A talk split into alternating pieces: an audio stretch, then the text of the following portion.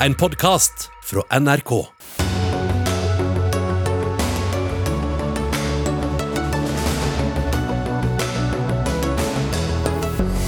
Ordkrig mellom norsk industri og hovedstadens byrådsleder om smittespredning. Det er ikke vår skyld at smitten i Oslo øker, sier industrien.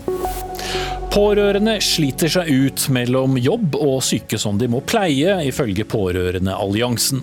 Mener regjeringen spekulerer i kjærlighet og svikt på tiltak. Norske artisten Anine klatret helt til topps i en gjev amerikansk musikkåring, og ble presentert som en 43 år gammel tobarnsmor på TV 2. Hvorfor var det relevant? Og humanitære kriser glemmes nok en gang av mediene. Lanseringen av en ny PlayStation fikk 6000 ganger så mange omtaler som krisen i Burundi. Uten mediedekning øker krisene, mener bistandsorganisasjonen CARE. Ja, da sier vi god tirsdag, vi, og velkommen til Dagsnytt 18 med Espen Aas, der vi også mot slutten av sendingen skal til Sandnes kulturhus, som takket nei til å leie ut eh, lokalet til en norsk artist med mange millioner avspillinger på strømmetjenester. Men vi starter med korona og smitte. I et debattinnlegg i dagens Aftenposten, signert Stein Lier Hansen, som er administrerende direktør i Norsk Industri, kunne vi lese følgende, jeg siterer. Det har naturlig nok vært mye oppmerksomhet rundt årsakene til økt smittespredning i Norge. Senest har byrådsleder Raimond Johansen spredt påstander om at arbeidsinnvandrere har fått karantenefritak, mens nordmenn har vært på dugnad. Dette kaller du meningsløs og upresise påstander fra Raimond Johansen. Hva er det du reagerer på? Ja, for det første så er den upresis, fordi at en må da adressere hvilken type arbeidsinnvandring som er smittespreder.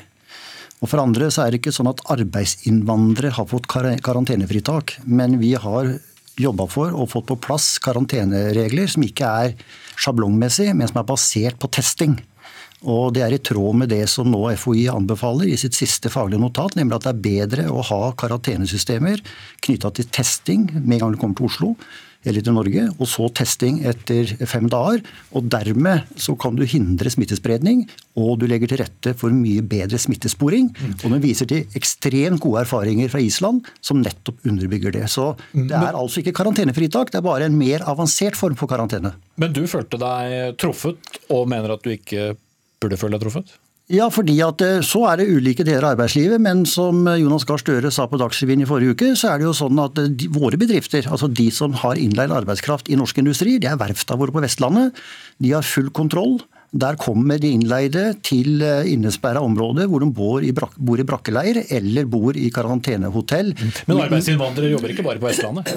Nei, men jeg snakker om mine medlemmer. og Derfor så må en være mer presis. Hvilken arbeidsinnvandring er det da en mener? Det er iallfall ikke de som er knytta til norsk industri. Mm. Ja, Raymond Johansen, byrådsleder i Oslo fra Arbeiderpartiet. Hvem, eh, hvem er det egentlig du er ute etter? Det jeg har sagt er at importsmitte spiller en stor rolle. Det har jeg sagt. Jeg har verken snakket om eh, verftene. Jeg har derimot sagt at også store arbeidsplasser med, med uh, store, som også har arbeidsgivere, både seriøse arbeidsgivere, har lettere for å opprettholde karantenereglene enn bl.a. små bedrifter. Jeg ble jo kritisert av Thommessen fordi at jeg sa noe negativt. Olav Thommessen, som Olav representerer små og mellomstore bedrifter? Fordi at jeg hadde hengt ut småbedriftene. Det som er mitt poeng, er at importsmitte er viktig del av smittebildet. Og nå er det jo også verdt å, å, å diskutere at men, men, angriper du også norsk industri her? Jeg har aldri angrepet angrepet norsk industri, men jeg har jo sagt det at regjeringens hodeløse åpning for karantenefritak, som jeg opplevde bl.a. var presset fram av eh, norsk industri, bidro jo også til smitteeksplosjonen i høst. Mm, så de har et ansvar? Fall, det var i hvert fall av det som eh, Aftenposten eh, slo fast i sin avsløring av den prosessen som ledet fram til karantenefritak. Men For så vidt en litt annen sak, da, så får jeg bare også jo, poengtere at disse uttalelsene som Stein Hansen reagerte på, kom du med til uh, da den nye avisen, uh, avisa Oslo. Men bare for før men hva, hva var det helt Jeg har ikke snakka om annet enn viktigheten av å bekjempe importsmitte. Vi vet at over 2000 polakker, litauere, briter og andre utenlandske Men, men arbeidere Seilir Hansen har ikke noe å føle seg krenket for i, i forhold til det, eller med tanke på det innlegget han skrev i Absolutt ikke. Han kan være stolt av sine, sine bedrifter, som hvis dem da greier å opprettholde dette på en god måte Jeg tror dine bedrifter har større forutsetninger for å klare det enn små bedrifter. Jeg får tilbakemeldinger her i Oslo f.eks. fra byggenæringen, hvor det har vært mer krevende. En del mindre som på en måte får sine jobber gjennom mittanbud.no, har det kre mer krevende med å overholde karantenebestemmelsene. og det Så du svarte egentlig på noe som ikke var adressert til deg? jeg synes, og Det er det du, du siterte riktig på. Det er for upresist. Altså Jeg vet at Raymond er utrolig opptatt av å hindre smitte og begrense de skadene. Men da må du være treffsikker. Mm. Så du følte deg mistenkeliggjort? Ja, jeg gjorde det, fordi at han snakker generelt om bedriftsledere som ikke gjør en dugnad, mens resten av Norge gjør en dugnad. Men det har aldri vært noen karantenefritak. Det har vært en diskusjon om en mer sjanglongmessig, teoretisk karantenetid på ti år. Er det det beste, eller er det bedre å teste folk? Sånn at du får klarlagt så fort som mulig hvem er syke og hvem er friske. Og det vi gjør, i tillegg til, smitte, til, til testing av Norge, så forlanger våre bedrifter at du også skal testes i hjemlandet. Sånn at de som tester positivt der, de blir ikke engang sendt til Norge. De blir sendt på isolasjon i hjemlandet sitt. Så du var litt breial da du uttalte deg, eller? Oslo har hatt en nedstengning siden 1. av november. Vi har en arbeidsledighet på 35 000.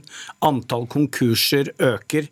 Vi vet at smitten, importsmitten, er en betydelig faktor. Det jeg først og fremst har kritisert og vært opptatt av, er jo den kontrollen som har vært på destinasjonene, som f.eks. Gardermoen.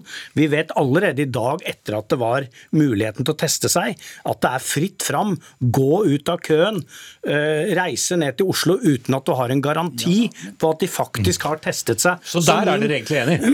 Jeg har sagt at det er absolutt en større utfordring for andre bransjer enn vår, hvor det kommer inn arbeidsinnvandrere enkeltvis, kanskje vært hjemme på ferie, har hybel i Oslo sentrum. Men det gjelder ikke våre folk, for de kommer kollektivt, transporteres til lukka systemer, testes og slippes ikke inn i det sivile samfunn før etter at man har dokumentert gjennom to tester f.eks. at de er sykdomsfrie. Det det, det er det som er så viktig.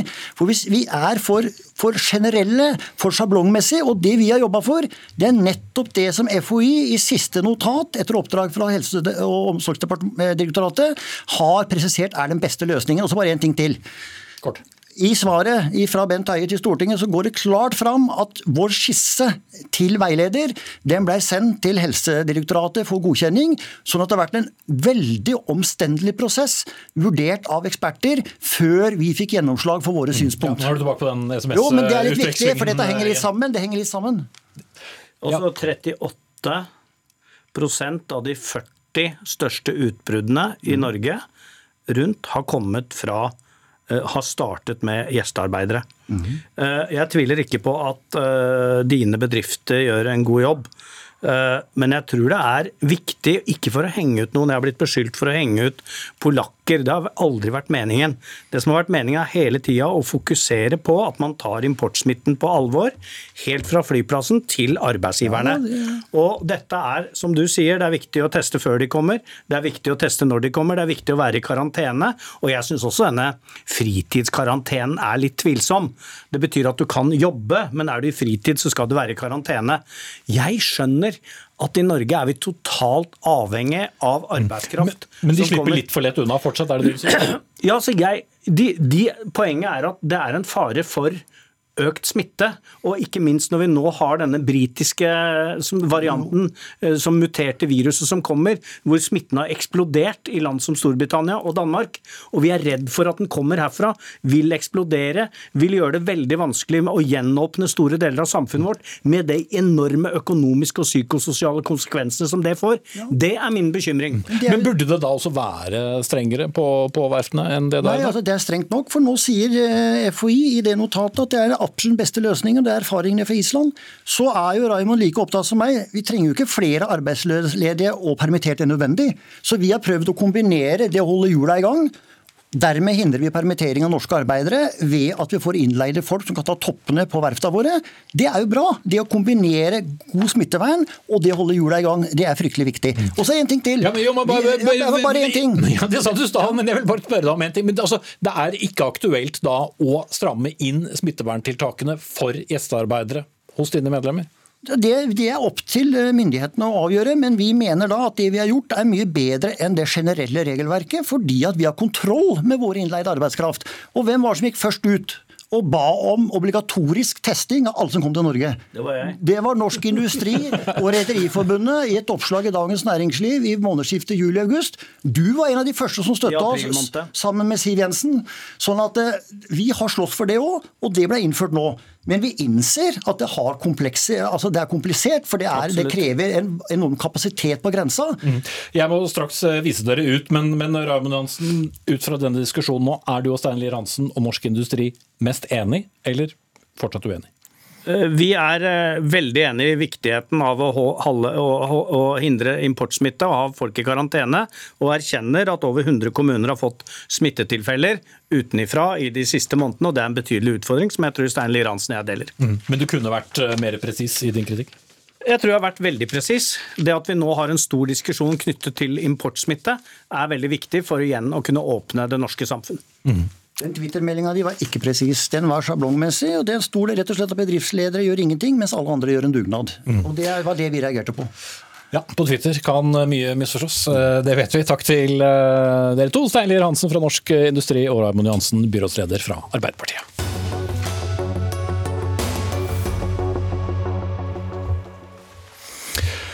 En eh, gammel mor som stadig trenger hjelp, en ektefelle som har fått en alvorlig sykdom, en døende bror uten en nærmeste familie. Det er eh, veldig mange nordmenn, voksne nordmenn, som eh, får perioder med store oppgaver for å gi nære familiemedlemmer både pleie og omsorg samtidig som de skal skjøtte sin egen fulle jobb.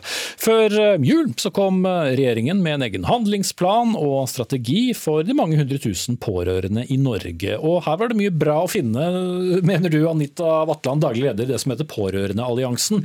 Men det var ett felt hvor det manglet noe, skrev du i Aftenposten. Hvor er det det skorter?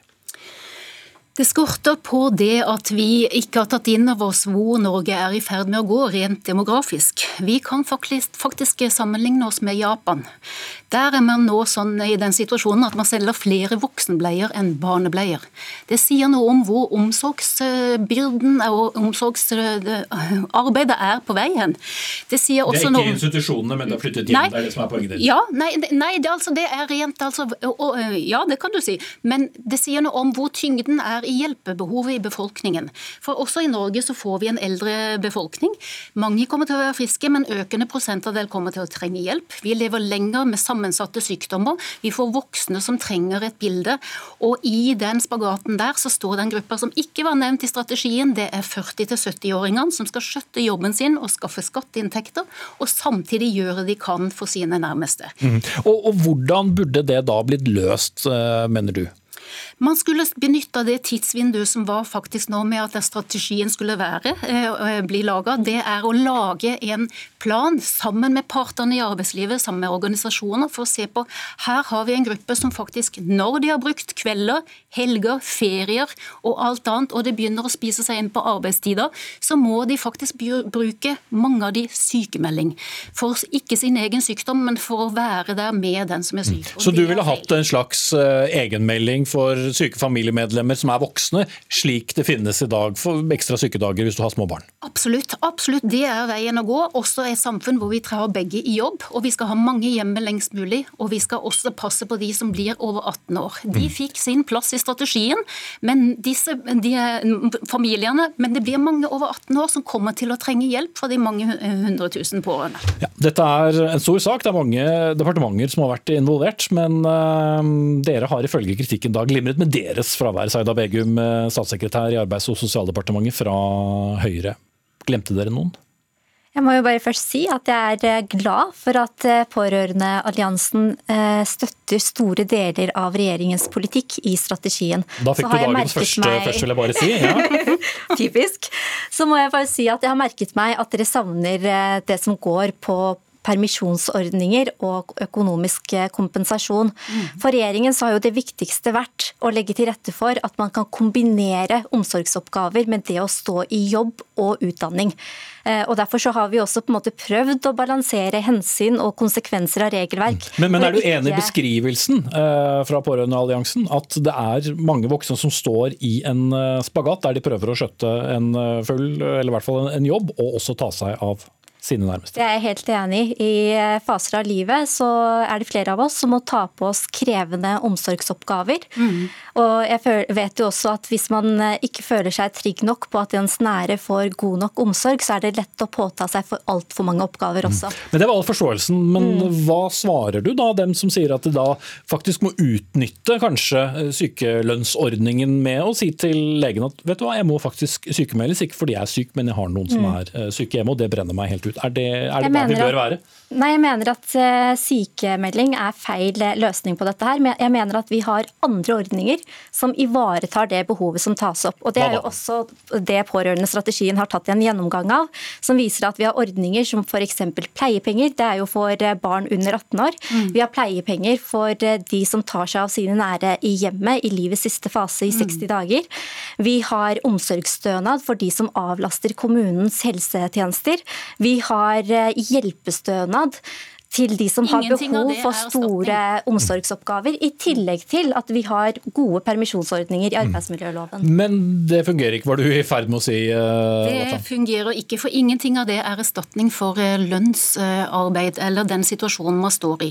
Kommunal omsorgsstønad det er når du opptar en kommunal uh, oppgave. Hjelpestønaden den er til brukeren som kan velge, så det har ingenting. Arbeids- og sosialdepartementet har to tiltak i den, i den strategien, ellers så glimrer de helt med sitt far fravær.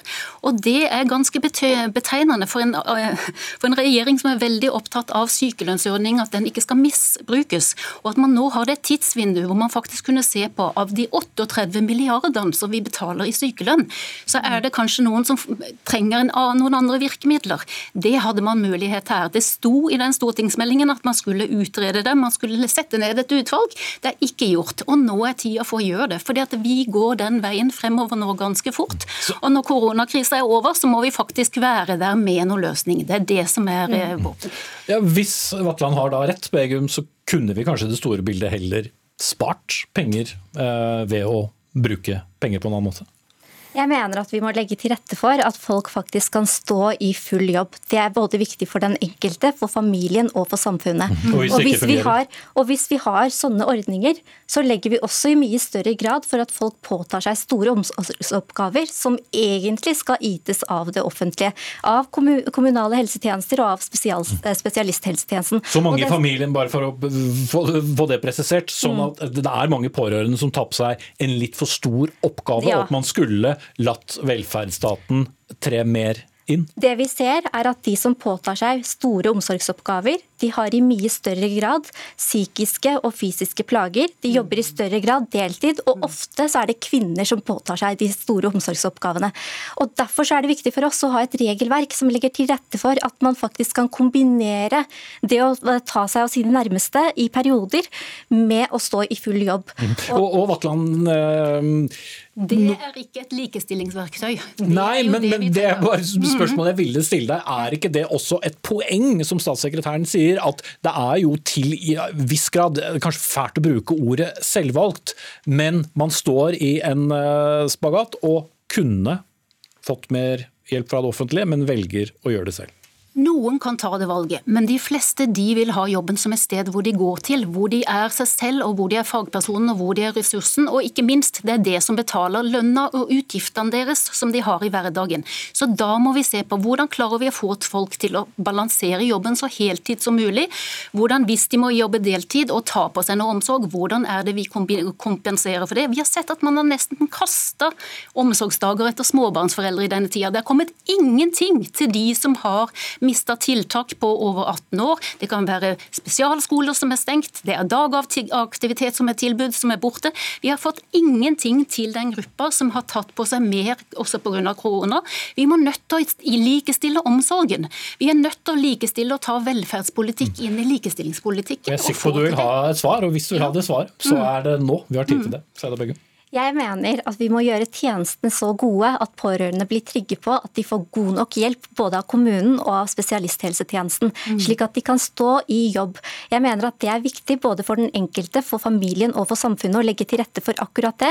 Og jeg mener at det handler grunnleggende om trygghet, å gjøre pårørende trygge på at deres nære får god omsorg. Derfor så legger Pårørendealliansen også eh, Dere har jo spilt inn dette her med gode medvirkningsprosesser, det har vi tatt inn i strategien. og jeg mener at det å fast fast kontaktperson, det å ta hensyn til hva pårørende mener deres nære trenger, er et viktig verktøy for å yte best mulig omsorg til. Mm. Og Det ble møtt med en hoderysting. Eh, og Det hadde vært spennende å fortsette, mm. men jeg må dessverre sette strek der. Du betaler ikke lønna til folk, og du betaler ikke regningene. Mm. Takk skal dere ha, Anita Vatland, daglig leder i Pårørendealliansen, og statssekretær Seida Begum eh, fra Høyre i Arbeids- og sosialdepartementet.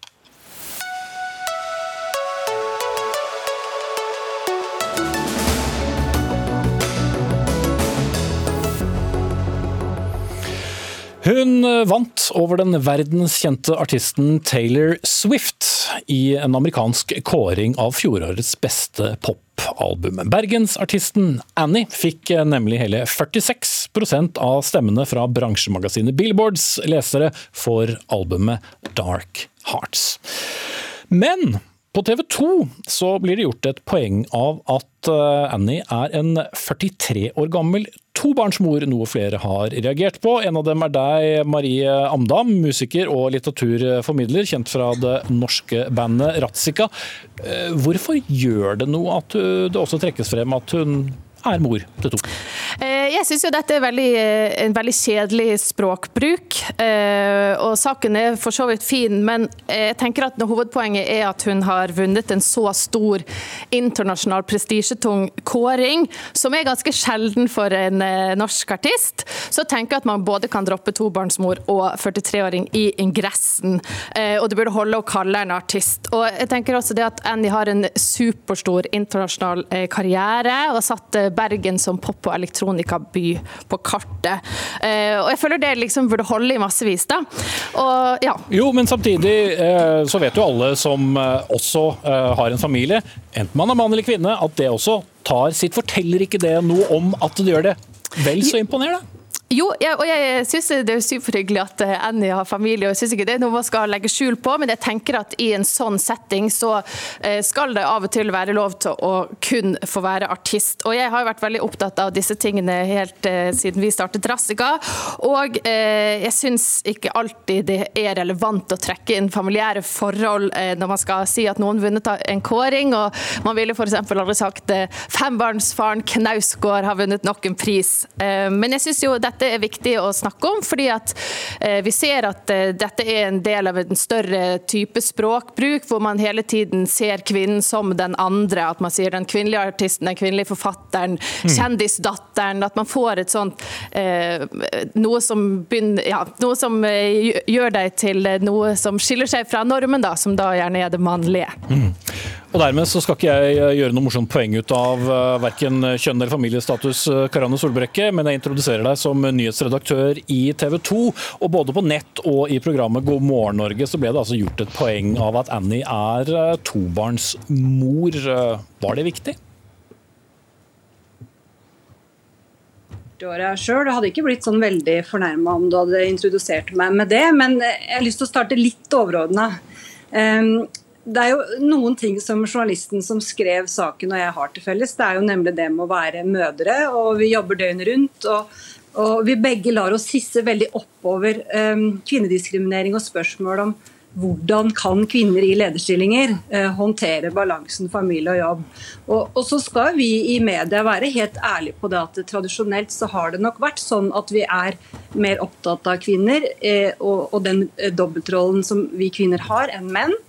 Og Derfor så er det ofte at, at journalister nok stiller spørsmål om barn oftere til kvinner enn til menn. Men så mener jeg jo at dette er i ferd med å endre seg. Men ikke i dette tilfellet, åpenbart?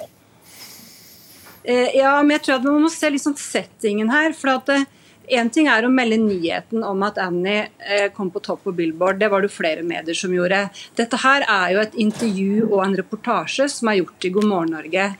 For jeg, jeg mener jo personlig at vi er på feil vei hvis vi skal skrelle vekk alt det som handler om hele livet i reportasjer som dette. Altså, det må jo være et mål å snakke like mye med menn om det, og ikke et mål å ikke eller, ikke et mål å snakke mindre med kvinner om det. Men ville man omtalt en mann som eh, ja, som eksempel her, da, fembarnsfaren uh, Knausgård? Han har jo en tendens i det tilfellet til bare være forfatter? Det er interessant at du sier det, for i dag så hadde vi f.eks. Martin Johnsen Sundby i studio eh, med eh, barn eh, og med kone, og han blir spurt om og forteller om akkurat det samme. Det å stå i den spagaten. Så jeg mener jo at det er jo ikke irrelevant per definisjon å fortelle om hvordan mennesker lever livet sitt. Men er plasseringen her da at det er hovedfokus? At oi, oi, oi, ikke bare er hun musiker, men også tobarnsmor? Ja, men Det er det jeg nok er uenig i. da, for at Hvis det hadde vært en ren, hard nyhetssak, så er jeg enig i at man skal være bevisst på et sånn type fokus. Altså Hadde vi hatt en, en tone da i den reportasjen som sa å wow, dette var jo veldig spesielt, er det mulig å være både kvinne og stor artist og mor i tillegg, da hadde jeg jo reagert. Men, men jeg mener at dette ikke er et eksempel på det. Ok, Amda. Ja, eh, og jeg forstår eh, veldig godt hva du mener. Jeg syns bare det, eh, det, det er litt dumt når det blir ingressen. Da, at, det blir liksom sånn, ja, på tross av 43 år og sliten tobarnsmor, at det blir en litt sånn kjedelig framstilling. For igjen så er Annie en såpass svær internasjonal artist at jeg syns ikke at det burde være fokus. Men jeg syns dette er veldig bra at vi diskuterer, fordi at det er veldig viktig at vi skaper bevissthet rundt dette. og jeg har jo et eksempel jeg syns er veldig gøy. Fordi vi har, eh, vi har, blitt mye bedre på dette her, bare det at vi diskuterer det. Men i 1993 eh, så ble gruppen Dolly Deluxe beskrevet slik av Tor Milde. Begge er forresten dydig ikledd trange bukser, men med utfordrende overdeler. Ingen, dem, ingen, av dem har spesielt store pupper, men de er, eh, de er ubeskrivelig sexy. Og Det er jo sånn vi aldri kunne skrevet lenger. ikke sant?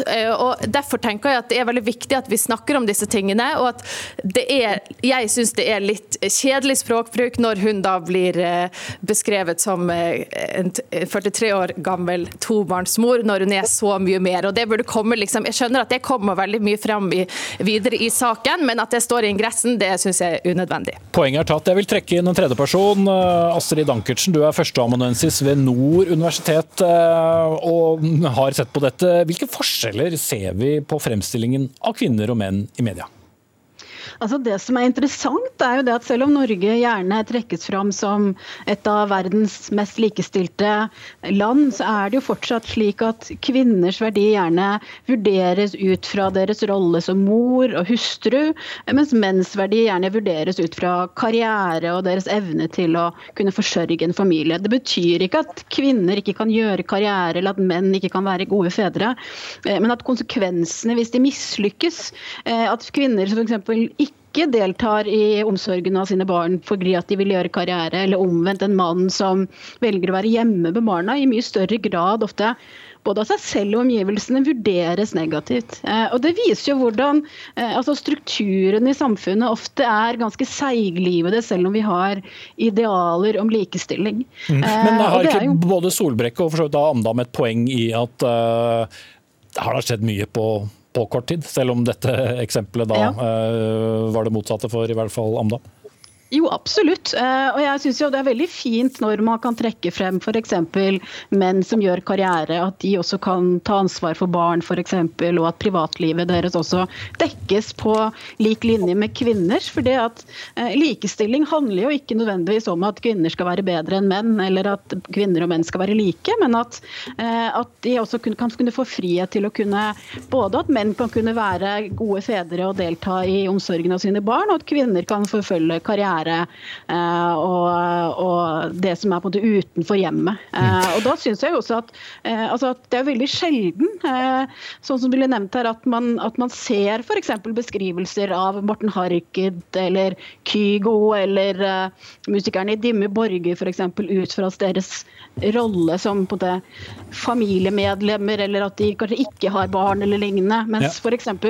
kvinner som ikke har barn, også kan vurderes ut fra en sånn mistenkeliggjøring hvis at de hadde valgt karriere på bekostning av familielivet. Og det ble jo eh, voldsomt med oppmerksomhet da min kollega Sigrid Sollund spurte Equinor-sjefen bl.a. hvordan han skulle kombinere sin nye sjefjobb med eh, familie. Så Karianne Solbrekke, vi har vel kanskje en vei å gå nettopp av den grunn at det fortsatt er overraskende når vi bringer inn eh, menn og familie sammenlignet med kvinner og familie?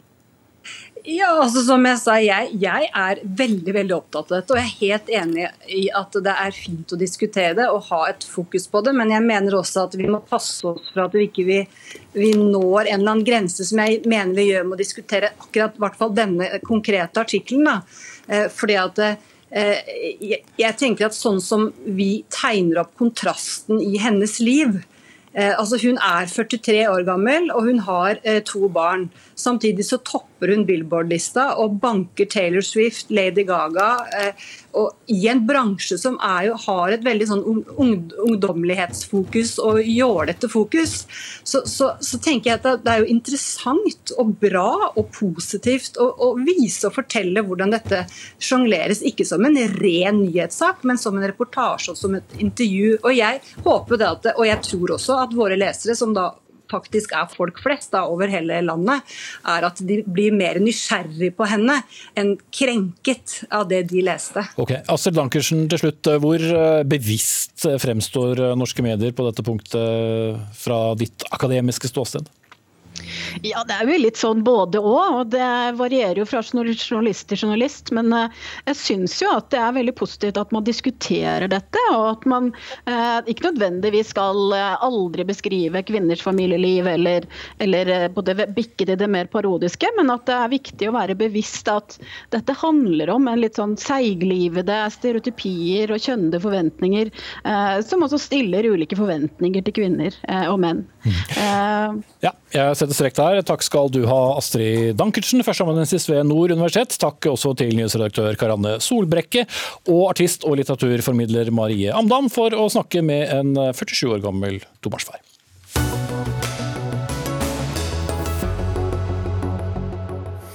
Bare nevne også at det blir litt mer musikkprat mot slutten av sendingen, for det holder ikke over 300 millioner avspillinger på Spotify og andre strømmeplattformer. Artisten Ringnes-Ronny får ikke spille på Sandnes kulturhus. Han passer nemlig ikke inn i profilen, sier kultur hussjefen. Men det er mot slutten av eh, sendingen. Nå skal vi eh, bringe mm, eh, oppmerksomheten tilbake til for så vidt korona, men vel så mye norsk økonomi. For da norsk økonomi fikk den store koronasmellen i mars i fjor, så hentet den seg sakte, men sikkert ganske godt inn igjen over en seks måneders periode. Så kom november 2020, og så falt norsk økonomi igjen, men med 0,9% Siden november har smitterestriksjonene blitt eh, strammere, smitten har økt, og Pål Sletten, seksjonssjef for nasjonalregnskap i SSB, det var dere som presenterte tallene i dag. Hvordan skal vi lese et fall i BNP på 0,9? Um, det er jo sånn at Et fall på 0,9% fra en måned til den neste er jo normalt sett noe vi vil betegne som et ganske stort fall. Mm. For det er uvanlig? Ja, ja. Det, uh, det, er et ganske stort fall. Men uh, så tror jeg nok det var mange som hadde venta at fallet skulle være enda litt større pga. Uh, virkningene av den andre smittebølgen som vi var inne i i november.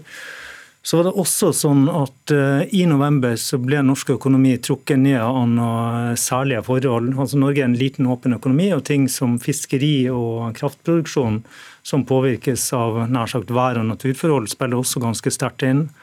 Og Det sto for en god del av nedgangen. så Hvis man ser bort fra de to næringene, så var nedgangen på 0,4 altså en god del mindre, og dermed noe mindre enn det mange hadde venta seg. Mm.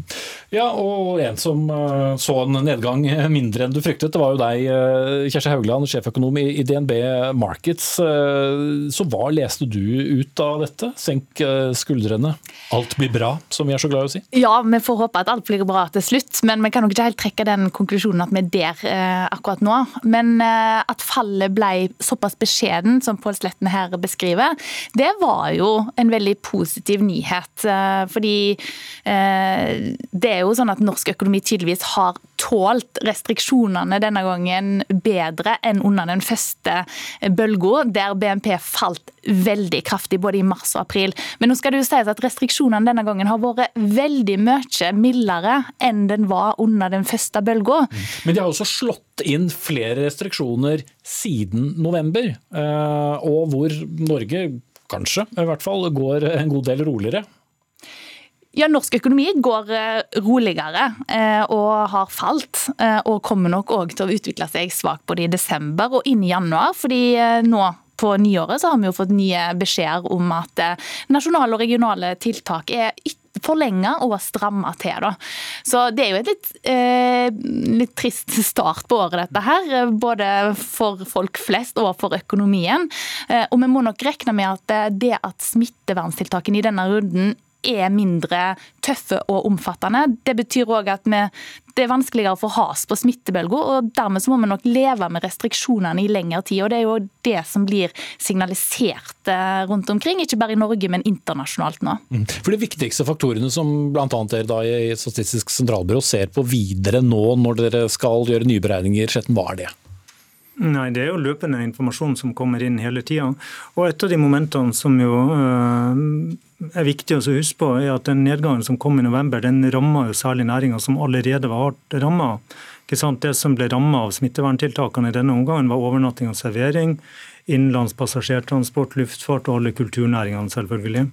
Og De var allerede eh, langt under en normalsituasjon. og Det gjør jo at en ytterligere nedgang blir beskjeden.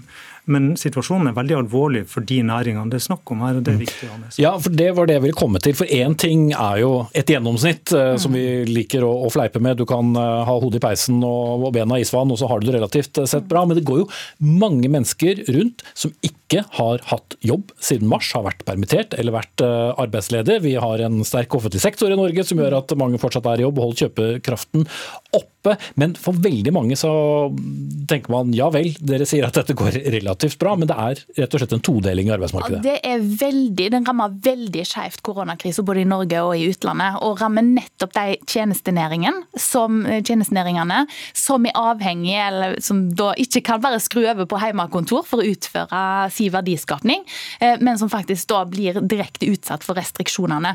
For dem er dette her en skikkelig nedtur i en situasjon som allerede var veldig mørk. Så det er ingen tvil om at for de næringene og alle de ansatte det gjelder, eh, så er dette en veldig alvorlig situasjon. Så misforstår meg rett på det.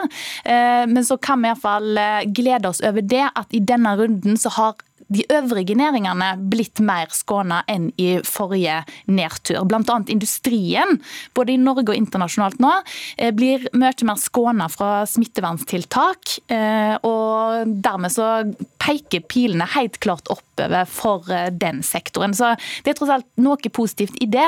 Men vi skal ikke glemme at det er mange som er i en vanskelig situasjon nå i disse næringene, og det ser ikke ut til å lette med det første. Ja, og, og ledighetstall er jo noen som mange er opptatt av. Ikke minst har jo regjeringen vært bekymret for at ledigheten skal uh, sette seg, og brukt det som et argument i hele debatten rundt uh, permitteringsordningen, uh, og hvor lenge den bør forlenges. Og, og Sletten, hvordan ser arbeidsmarkedet ut?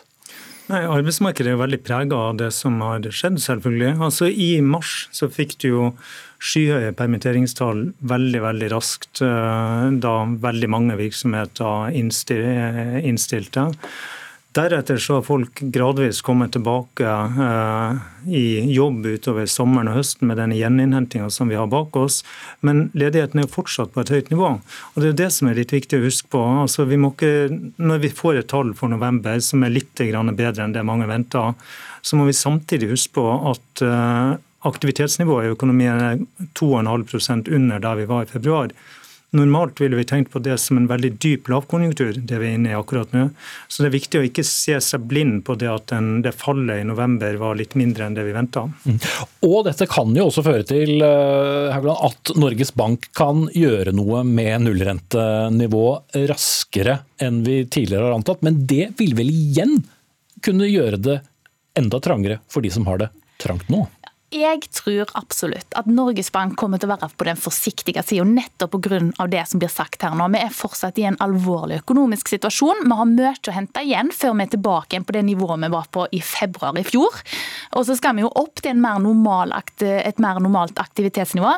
Norges Bank vil bruke tida, tror jeg, og ikke være for raske på labben. og Derfor så tror jeg det drøyer med rentehopp. Selv om vi fikk litt positive tall i dag, så tror jeg det drøyer med rentehopp til mars 2022. Så nok et år med nullrente, i alle fall styringsrente på null, det tror jeg vi kan vente oss. Mm. Så blir det spennende å se neste tall. Takk skal dere ha begge to. Kjersti Haugland den fra DNB Markets, der du er sjeføkonom, og Pål Sletten, seksjonssjef for nasjonalregnskap i Statistisk sentralbyrå.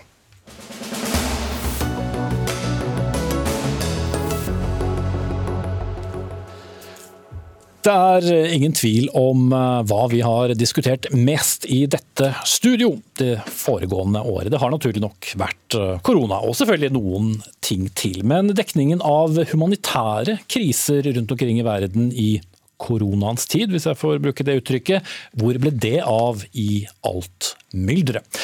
Men det har ikke bare handlet om korona, for la meg også presentere noen andre kalde fakta. I fjor så ble det laget 429 saker i verdenspressen eller verdensmediene om krisen i Burundi. At det kom en ny PlayStation førte til 334 000 artikler. En, et eksempel på en skjevhet i, i, store medier. og I dag kom uh, organisasjonen Care International med en liste på de ti største humanitære krisene som har fått minst medieomtale. Og Kai Martin Gaugsen, du er generalsekretær i Care Norge. Hva blir konsekvensen av denne skjevdelingen? Og at de humanitære krisene da nevnes i liten grad? Vi vet jo at Medieoppmerksomhet på så mange områder det er, styrer pengestrømmer, det styrer politiske prioriteringer. Det styrer litt av der hvor eh, folk med makt og ressurser eh, legger trøkket. Og så styrer selvfølgelig vårt verdensbilde, eh, alle vi som bor og jobber i Norge også.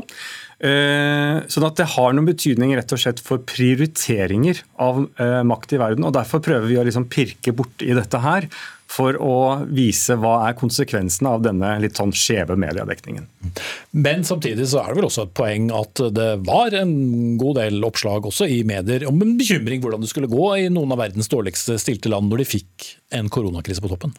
Ja, Koronakrise på toppen eh, det er jo nettopp det som altså, gir de ekstra utfordringene, og kanskje noe ekstra medieoppmerksomhet. Men vi er jo redd også for at når viruset slås tilbake, så er problemene der ikke bare slik de var, men de er blitt enda større.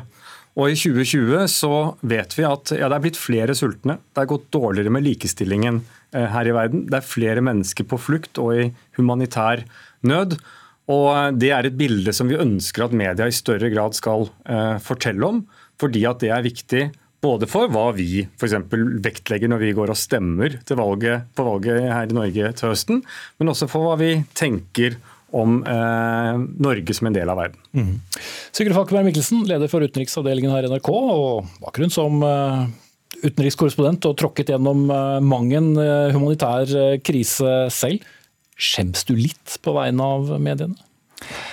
Nei, det gjør jeg ikke. Jeg er i hvert fall stolt av NRKs utenriksdekning. Men jeg syns det er bra at vi, har, at vi, snakker om dette nå, fordi det er noe vi tar på alvor, vi også. Altså, Hvordan skal vi få til, få til dette? Og dette er noe vi snakker om uh, mye. Og så har 2020 vært et veldig spesielt uh, år. Uh, hvor det har vært to saker som har dominert ekstremt. men hvor i hvert fall koronaen er det kanskje det som rammer oss direkte hardest. Da, og som også gjør utøvelse av vårt yrke ganske krevende. Mm. Ja, for ok. Norge, nei, NRK dekker utenriks på, på mange plattformer. Men hvor stor plass har egentlig da disse såkalte glemte krisen da, som, som Care har presentert i dag, eh, fått av, eh, av, plass? Du kan sikkert lete frem noen omtaler, men særlig stor plass har du vel ikke fått? Nei, Det er ikke noe tvil om at i år så har det vært, dreid seg veldig mye om korona. Men det, det vi har vært opptatt av, eh, og det, det, er jo å få fram koronaens konsekvenser globalt. Altså Få fram koronaens konsekvenser for fattige land. Vi ser det da med vaksinedebatten. Kjempestor debatt. Og Der har klart vi har et særeget ansvar om å løfte fram eh, konsekvensene av den skjevfordelingen av vaksiner som, som foregår, f.eks. For eksempel. så at Den biten tror jeg er utrolig viktig, og jeg tror det er særs viktig i en tid hvor, hvor, vi er oppe i en pandemi som er per definisjon global, hvor alle hvor mm, Det er jo litt sånn at ingen er sikre for alle er sikre. og Derfor er det viktig at vi også klarer å holde et trykk på nettopp de globale konsekvensene av den. og Det har vi, et, det har vi gjort egentlig fra dag én altså i, den, i denne krisen. Og Så er det på siden av det alle de humanitære krisene. og De har nok blitt underspilt eh, pga. Av, eh, av all den oppmerksomheten som har vært flytta over mot, mot uh, koronapandemien i år. Mm. Jeg smisset jo innledningsvis med sammenligning da PlayStation-konsoller og, og Brundi Georgs. Men hvis du skal utfordre både Sigurd Falkberg Mikkelsen, men også mange redaktører og, og nyhetssjefer rundt omkring i, i, norske medier, det er ikke noen lett jobb? Jeg tror at Uh, altså Jeg har jo veldig stor respekt for den jobben som NRK gjør Eh, på, på, utenriksarbeidet. Jeg skulle gjerne ønske at eh, liksom, Sigurd brøyter seg enda mer plass i NRK og får flere sendeflater for å få fram bl.a. Viktigheten av dette for oss i Norge også. Altså, Hvorfor er dette relevant? Så når det er flere mennesker på flukt, f.eks. i Burundi, da, med totalt i verden, ja, på et eller annet tidspunkt så kommer de også til å banke på vår dør. Eh, når det er, eh, når det er eh, f.eks. mer krig i verden, ja, så vet vi at da kommer til syvende og sist det kommer til å være flere kvinner som lider, det kommer til å være økonomier som går under, det kommer til å være en verdensøkonomi som er mer skjør, og hvor vi har dårligere økonomisk vekst. Det betyr også noe for Norge, som er en liten, åpen økonomi i, i, i verden. Så det er noe med å forstå den, den relevansen og bygge bro mellom det norske og det, det som er utenriks. Og det tror jeg gjelder både for politikere, for næringsliv og for journalister å kunne lage denne broen og oversette litt. Hvorfor er dette viktig for oss? Mm. Og Hvordan opplever du etterspørselen etter uh, konflikter, enten det er i Eritrea eller Mali eller rundt Tsjad-sjøen? Når du skal til de store flatene i NRK, som Dagsrevyen og, og Dagsnytt f.eks.? Det, altså, det er én ting som jeg, jeg syns er relevant å diskutere her. Eh, og Det er ikke for å skyve koronaen foran oss. fordi at denne problemstillingen har, Vi har debatter som dette her tidligere, også uten korona. Men det er i hvert fall én ting som gjør ting vanskeligere nå, og det er at vi får jo ikke reist i noen særlig grad. Det er jo ekstremt vanskelig å flytte på seg, særlig i Afrika. Og, og jeg tenker jo at eh, For at vi skal gjøre, sette fokus ordentlig på Eh, glemte kriser, ting som kanskje ikke naturlig får den, den drahjelpen fra mediebildet, så er det alltid best å komme oss dit med våre egne korrespondenter og våre egne reportere. Eh, og det blir eh, Det er per nå umulig. I hvert fall ekstremt vanskelig. Så for jeg tenker jo at Det holder jo ikke at vi dekker det for å dekke det. Vi må ville noe mer, vi må skape engasjement. Vi må lage saker som folk virkelig vil lese. Og Det er ikke sånn at alt gjøres på stedet, men det blir mye lettere å skape det engasjementet og lage skikkelig god journalistikk når vi er til stede. Men, men satt til side hva du mener som utenrikssjef, så er det vel også en kjensgjerning at det, kan i hvert fall ut fra statistikken da, se ut som det er en forståelse i veldig mange medier som at folk ikke vil lese om disse krisene, men heller vil lese om enten det er eh, PlayStation eller den 3000. saken om en eh, tweet eller fem fra USAs president? Jo, det er nettopp derfor jeg mener at noe av vårt hovedansvar er nettopp å skape engasjerende journalistikk uh, om disse temaene som kanskje, man kanskje intuitivt ikke er interessert i. og at Der, der, ligger, der ligger det, hviler et tungt ansvar på, på, utenriksjournalistikken, men kanskje særlig på, på oss i NRK. Da. Og Derfor håper jeg også at NRK får nettopp det rommet til til å satse på å ha mennesker der ute. For vi vet at det å formidle bare det som skjer gjennom byråer og, og, via andre, det er mye vanskeligere når man ikke er der ute, snakker med menneskene, kan fortelle de historiene som faktisk berøres av de store endringene og utfordringene som vi nå ser i verden. Mm. Karl Martin Georgsen, generalsekretær i Care Norge, og Sigurd Fakkeberg Mikkelsen, utenrikssjef i NRK. Takk skal dere ha. Hyggelig.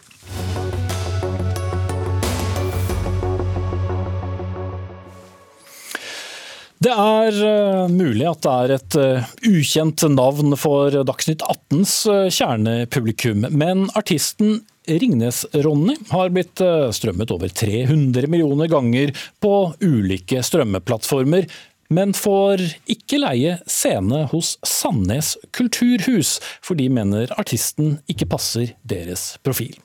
Ringnes-Ronny opptrer alltid med en maske, eller snarere en bøtte, over hodet med kryss i stedet for øyne. Men har gjort eh, stor suksess hos unge folk med melodier som 'Fredag', 'Valhalla', 'Jeg vil ha deg' og denne 'Monster'. Jeg jages av et monster oh, oh. og hun har överallt Ingen ser det hon ser oh, oh. Gräver djupt i mina rädslor och djupt i mina ångster. Varje timme, vart sekund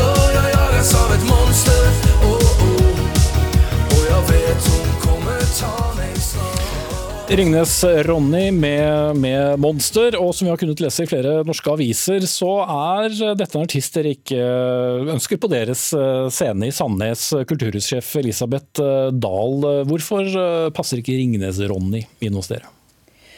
Eh, nå er det slik at eh, Ringnes-Ronny ønsker å leie seg inn på den splitter nye scenen vår, eh, som vi driver og, og pusser opp eh, i disse dager. Eh, og det er noe slik at når vi skal lansere en helt ny scene, som vi har brukt ganske mye penger på, så har vi lyst til å ha kontroll på det programmet sjøl. Så det var kanskje feil tidspunkt for Ringnes-Ronny denne gangen, for oss. Mm. Ja, men hvordan da? Altså, hva, er det som gjør at ikke han helt eh, passer inn i et eh, nyoppusset kulturhus i Sandnes? Eh, Vi har rett og slett sett for oss en annerledes profil i denne scenen enn eh, det, det kunstneriske uttrykket som Ringnes-Ronny har valgt. Eh, Ja, konkret hva da? Eh, Konkret profil. Mm. Hva, altså, hva er det som ikke passer? Bare så folk skal forstå det. Så folk skal forstå det. Eh, ja, altså eh, Vi har eh, Akkurat i disse dager så står det håndverkere og skrur opp 15 meter lange lydabsorbenter i taket hos oss. Vi får ny PA og nytt lysutstyr. Og alt sammen er, er rigget for rytmisk musikk. Det er ikke noe tvil om at Ringnes-Ronny er rytmisk i både byråkratisk og i musikalsk forstand. Det som vi har sett for oss, er nok mer bandrelatert. Eh, at eh, det er eh, altså ja, det er rett og slett andre kunstneriske uttrykk da, enn det som Ringnes-Ronny representerer. Ok. Peder Benjamin Hansen, du er da manageren til, til Ringnes-Ronny. og Dette har jo da vært en sak som har gått i, i mange aviser. Nå er den i, i Dagsnytt 18. Hvorfor har denne Sandnes kultursaken plutselig blitt så viktig for dere å gjøre et eksempel ut av? Nei, altså det er en eh, prinsippsak eh, i forhold til at generelt så er jo ikke denne musikken særlig velkommen, eh, særlig i de offentlige kulturhusene. Eh, nå fikk vi da eh, nyss om at Sandnes kulturhus skulle bygge en rytmisk scene, som de beskriver det her, med stående publikum som ikke er vanlig i et kulturhus som har, pleier å ha sittende amfi. Da ble vi jo veldig glade. Vi har lyst til å være profesjonelle aktører, og vi har fått med oss en profesjonell arrangør. Og vi har hatt en eh, voldsom suksess og er veldig relevant i Sandnes med våre lyttere. Mm. Men, men du er åpen på at eh, det er ikke alle scener som er like åpne for dere. Hva- er det egentlig Ringnes-Ronny og denne ja, danspunk eller rølpemusikk som andre kaller det, hva, hva, hva er det for noe?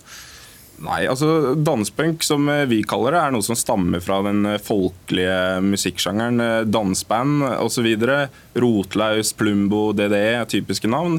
Og er blitt eh, mer eh, ja, modernisert da, med influenser fra Basshunter, Cascada, litt mer uptempo elektronisk Men, men du er vant musikk. til å bli møtt med at uh, det er noen hevede øyenbryn, er det sånn å forstå? Ja, vi er vant uh, med skepsis, men uh, samtidig så syns jeg at det er en så fremtredende stor sjanger nå, særlig i musikk, at det fortjener en plass, og, og særlig da også i en, en rytmisk popkulturell scene, som jeg ble fortalt at dette var. Eh, Så syns jeg at det har en eh, verdi. Eh, Elisabeth Dahl, i disse dager hvor man knapt kan ha en eneste forestilling, så ville jeg nesten tenkt at man ville være kjempeglad for enhver som vil komme og, og spille for døra. Ja, eh, det er klart det. Altså, og det er jo sånn at vi har en, eh, et mandat og en oppgave i å eh, gi et mangfoldig kulturtilbud. Og vi har ganske stor variasjon i programmet vårt. Og det er jo som du sier, i disse tider så er det ganske vanskelig å forutse hva som faktisk er mulig å få til til høsten. Vi bruker denne tiden nå, så sant vi kan få det til, å prøve å legge en profil for den nye scenen vår. Og det er, for oss så er det faktisk ikke en prinsippsak. Det er en, en profilsak som handler om at den aller første sesongen vi skal åpne denne scenen, så har vi lyst til å sette det preget på den som vi har planlagt. Men altså, Kan du utdype hva denne profilen er? For Jeg har spurt om dette tidligere, og, og jeg forstår det ikke. for i deres egne vedtekter så står det at dere skal tilby et mangfold eh, med profesjonelle aktører mot, eh, rettet mot eh, unge folk. Og det skal være en sosial og eh, kulturell arena uh, for, for ja, særlig ungdom. da. Og, ja, Svar på det, Dahl. Uh, ja, altså uh, Det er jo én versjon av formålet. Uh, det det står, er at vi skal ha et mangfold av profesjonelle ytringer på nasjonalt og internasjonalt nivå, særlig med vekt på musikk, teater, dans, nyskapende kunstformidling. Og at vi skal ha et allsidig tilbud. Det er ikke i hovedsak rettet mot ungdom, men det er klart at det er viktig for oss å treffe ungdommen òg. Og denne profilen for denne nye scenen, den går jo inn i helheten av det vi prøver å skape. Vi har to kulturhus. og vi kjører noe egenproduksjon. Vi har to sterkt kuraterte scener, eh, bl.a. Regional arena for samtidsdans, som, som, er en av de største dansescenene i Norge. Og så har vi en kunstsal som har et veldig sterkt kuratert program, hvor det ikke er mulig å leie seg inn. Men eh, som kanskje alle vet, så er det jo sånn at det er flere veier inn til et kulturhusprogram. Altså vi har både det Ok, nå ble det en veldig, ja. veldig lang tale. Fikk okay, du svar sorry. her, Hansen? Jeg følte ikke jeg får svar på det jeg lurer på. Og så lurer jeg på altså vi tilbyr å leie en scene som står ledig på datoer vi har fått bekreftet er ledig av dere, med noe vi anser som kulturell eh, nytteverdi. Og så er det jo litt sånn, Sandnes, eh, Vår målgruppe er 18 22 år. Sandnes har den yngste befolkningen i Norge, med en tredjedel under 22 år gammel. Eh, de sitter eh, nå i koronarestriksjoner, har sittet hjemme lenge. Er det dumt at de får seg en liten fest og en opptur? Er det bare så enkelt at dere ikke helt liker, liker Ringnes Ronny, Elisabeth Dahl? Nå hørte jeg ikke hva du sa i det hele tatt, programleder. Er det bare så enkelt at dere ikke helt liker Ringnes Ronny? Eh, altså, Vi har ikke tatt stilling til om vi liker 'Ringenes Ronny' eller ikke. Det det handler om for oss er at vi har lyst til å starte dette programmet i, den scenen, eh, altså i det hjørnet som vi har tenkt. Og Det er ikke sånn at 'Ringenes Ronny' aldri skal få lov til å komme på besøk til Sandnes. Det kan godt hende at vi finner en helt super anledning for han eh, på et seinere tidspunkt. Okay. Men i etableringsfasen så har vi lyst til å bestemme programmet sjøl. Dagens smøretips tålmodighet. Takk til eh, Elisabeth Dahl, kultursjef i, i Sandnes, og Peder Benjamin Hansen, manageren til Ringnes Ronny, eller skal vi si Ringnes Herre.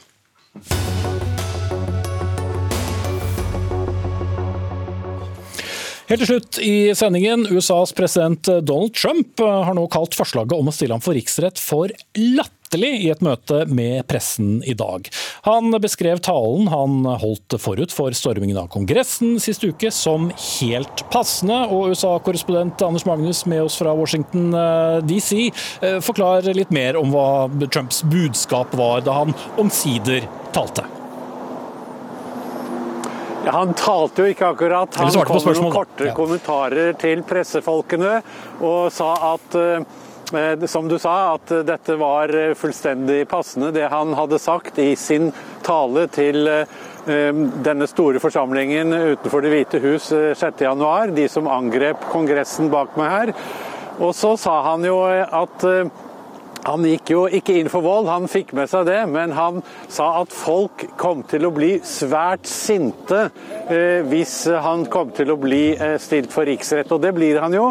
Så det er jo mange som tolker dette som et nytt signal til tilhengerne hans om å angripe eh, eh offentlige bygninger f.eks. Uh, hvis han blir stilt for riksrett. Og Det er jo stor redsel for dette i USA nå. Det føderale politiet, FBI, har fått inn meldinger om at det planlegges angrep mot de lokale kongressbygningene, altså de lokale nasjonalforsamlingene, så å si, i alle 50 delstatene eh, fra søndag og utover til eh, innsettelsen på onsdag. Så det er en farlig situasjon nå. Og her hvor jeg står i Washington, så bygges det opp nye eh, sperringer overalt. Selvfølgelig rundt kongressbygningen, men også rundt det såkalte Washington Monument, denne svære obelisken som står eh, midt på det mål. Rundt den skal det heller ikke få lov til å komme folk. Så Mye eh, det er en spenning. veldig spent situasjon her nå. Ja, Det var det jeg skulle til å si, og takk skal du ha, Anders Magnus. Spent situasjon stadig i eh, Washington DC. Som alle skjønner, vi er ved veis ende siden jeg bedriver denne avbrytelsen. Det var Dag Dørum som var ansvarlig for eh, sendingen. Stein Nybakk hadde det tekniske ansvaret. Jeg heter Espen Aas.